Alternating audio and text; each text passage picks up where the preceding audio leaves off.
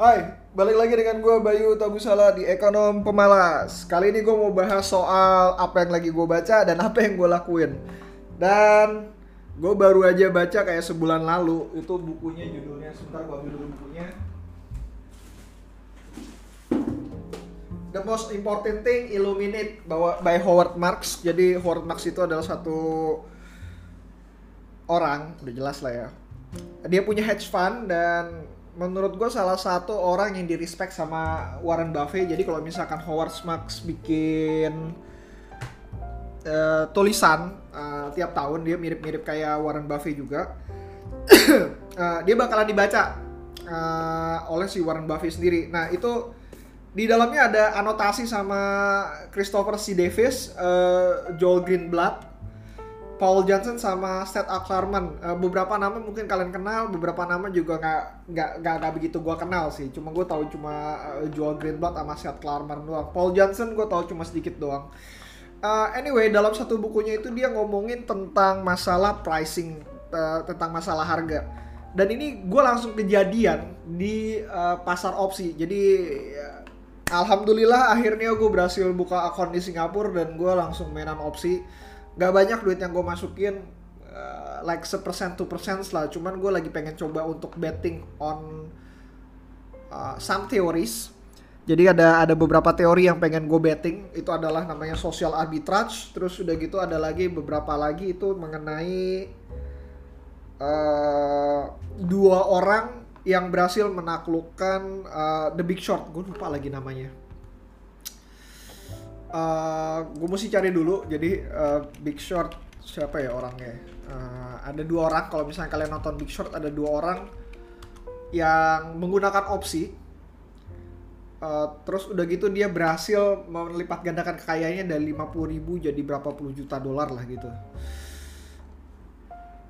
Oh nih Jamie May dan Charlie Leslie dalam ininya apa uh, dia dari 110k 110k menjadi 12 juta dolar.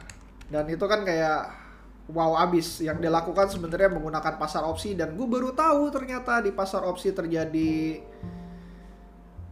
uh, apa ya terjadi yang namanya un bukan uncorrelated ya. Unsystematic. Apa ya istilahnya? Gue lupa. Uh, ya ya Allah Eh, jadi intinya bettingnya nggak nggak nggak sesuai dengan kenyataan. Lu bisa loss cuma 50% dari harta kekayaan lu, tapi lu bisa gain some traction sama duit lu itu sampai nyaris mungkin kayak 30 40 40 kali. Bukan persen, 30 40 kali. Dan itu yang dilakukan sama Charlie Leslie sama Jamie May. Uh, kalian bisa baca mengenai apa yang mereka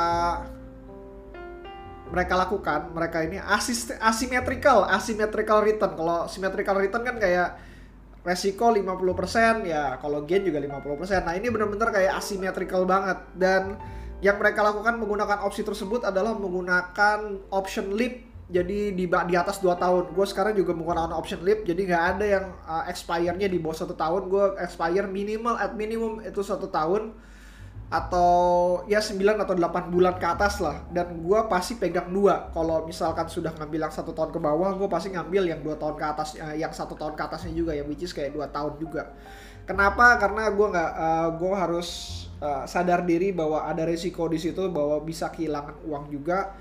Dan gue menghedge resiko tersebut dengan memperpanjang waktunya juga. Nah problem dari opsi tersebut sebenarnya ada di satu di option pricingnya sendiri itu lo banyak banget materinya ada imply volatility dan segala macam. Terus yang kedua masalah uh, underlyingnya. Underlyingnya jadi kalau misalnya underlyingnya naik ya harga opsinya ikutan naik. Kalau underlyingnya turun ya ya harga opsinya juga turun. Dan opsi sendiri itu punya pasar yang berbeda dengan pasar utamanya. Jadi ada pasar opsi ada pasar saham. Pasar opsi itu menurut gue kayaknya jauh lebih gede dibanding pasar saham sih.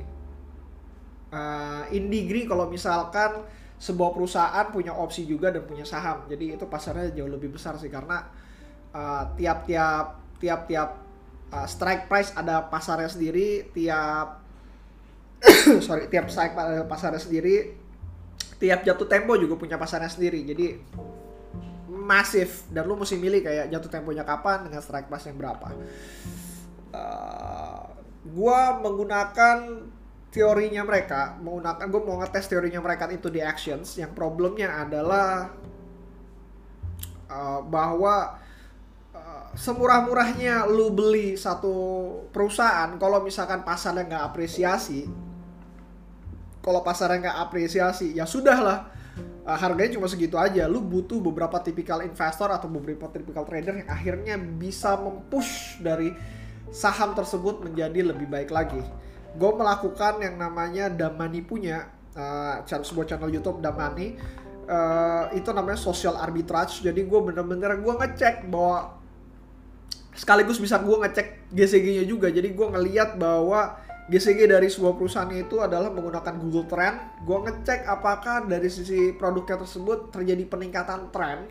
Terus apakah produk mereka benar-benar oke okay untuk dipakai dalam masa mendatang atau trennya baru naik sehingga gue bisa tahu bahwa sebenarnya ada momentum di mana pasar saham tersebut akan uh, bukan pasar saham ya sih harga sahamnya akan mena uh, akan naik. Kenapa? Idenya sebenarnya simple Uh, laporan keuangan itu kan dirilis kayak tiga bulan sekali dan orang-orang analis kalau misalnya di luar negeri which is kayak ada 10.000 jenis saham uh, yang tidak dihitung over the counter jadi benar-benar pasar saham yang benar-benar ada pasarnya ada likuiditasnya dan segala macam bukan over the counter di US jadi gak semua orang bisa melakukan riset dan mereka pasti akan menunggu informasi mengenai ada banyak banget fund manager yang menunggu informasi mengenai oke okay, kuartal uh, kuartalan keluar nanti baru nanti dirangkum kembali sehingga dia bisa punya lagi list saham yang menurut mereka pasti bakalan kayak wah saham ini kayaknya bagus deh saham ini bakal bagus.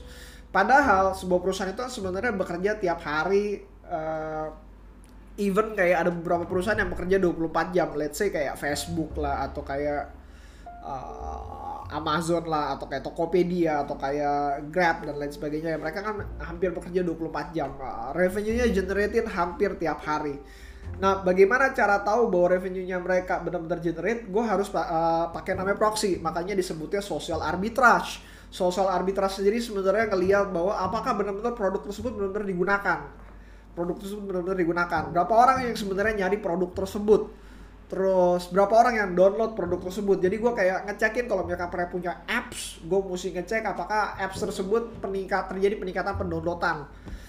Terus kalau misalkan mereka punya produk, apakah produk mereka itu dicari dalam bentuk online ataupun segala macam. Kalau misalkan terjadi peningkatan hal tersebut, artinya besar kemungkinan bahwa produk ini akan menjadi suatu tren, bisa menjadi sebuah apa ya?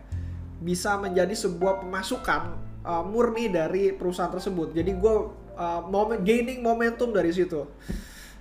And then gue coba cari informasi yang sebenarnya gak pernah terjadi di Indonesia yaitu adalah sebenarnya pernah sih terjadi di Indonesia cuma jarang-jarang lah.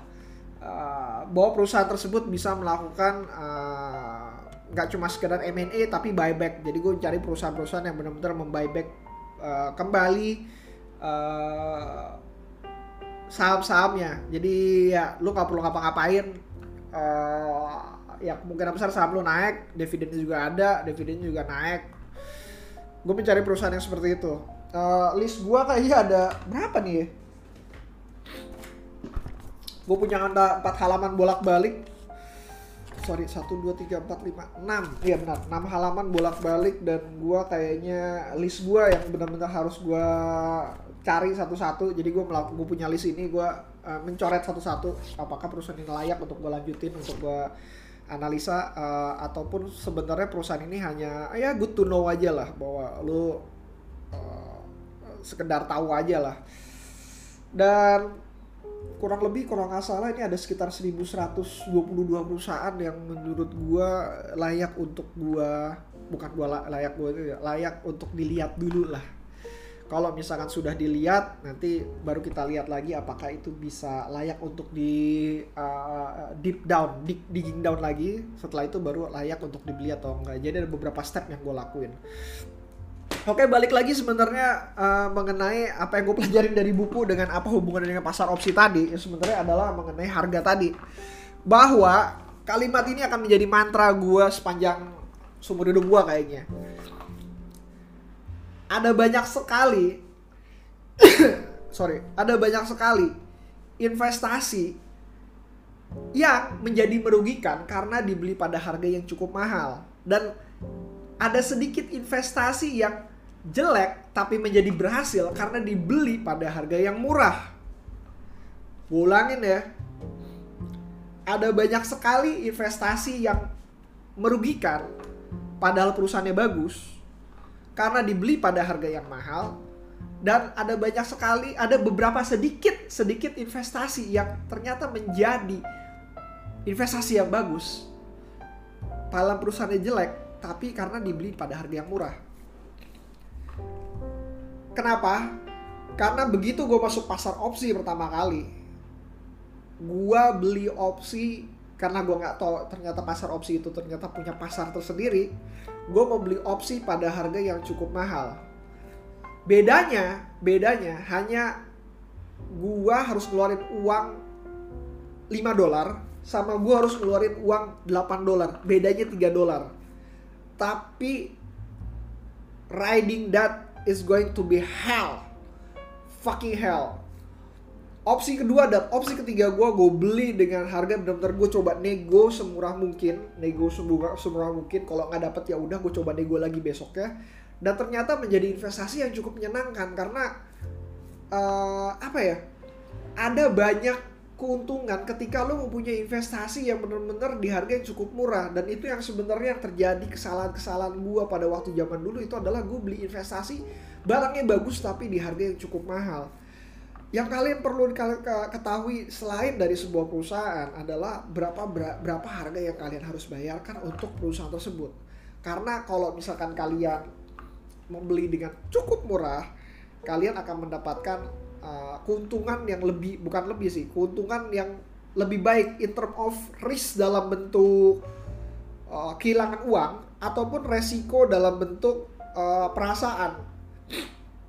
Jadi kalau misalnya kalian beli di harga terlalu mahal, kalian akan menunggu waktu yang cukup lama untuk uh, apa pertama balik modalnya cukup lama, kedua lu ngomongin bahwa perasaan begitu harganya turun kalian menjadi lebih apa lebih nggak stabil dan segala macam. Dan balik lagi uh, berusaha untuk membeli pada harga semurah mungkin uh, konteks gue dalam sisi saham mungkin lebih ke arah apa lebih ke arah bahwa kalian tuh jangan break dari apa yang kalian punya ya. Gue sendiri gue punya idealistik bahwa kalau misalkan saham murah itu adalah PI di bawah 5 gitu. PI di bawah 5 itu udah termasuk saham murah. Value play lah. Gue bener-bener uh, nyaman dengan kondisi tersebut value play. Ada orang lain yang sebenarnya nggak nggak nggak nggak begitu ny uh, yang nyamannya dengan cara yang lain. Atau misalkan uh, untuk growth play gue pengen uh, growthnya harus lebih tinggi dibanding PI-nya dan PI-nya kalau bisa di bawah 10 itu yang gue lakuin untuk ini. Dan gue nggak mau break the rule tersebut. Kalau bisa bisa dapat lebih murah akan jauh lebih baik uh, untuk gua. Dalam kondisi tertentu ya. Untuk growth play kenapa bisa 10 kalau misalnya ekonominya lagi jalan it's okay. Tapi kalau misalkan ekonominya downturn gua kayak uh, kena imbas juga. Tapi kalau misalkan PI-nya sudah cukup murah ketika downturn kalian break even. Dan itu yang terjadi pada salah satu saham yang gue pegang. Gue cuma break even doang. Gue cuma break even karena gue beli pada harga yang cukup murah. Yang butuh kalian tekankan adalah berapa dan bagaimana cara kalian mengidentifikasikan bahwa sebuah perusahaan itu kalian anggap sebagai oke okay, gue layak untuk koleksi karena harganya murah.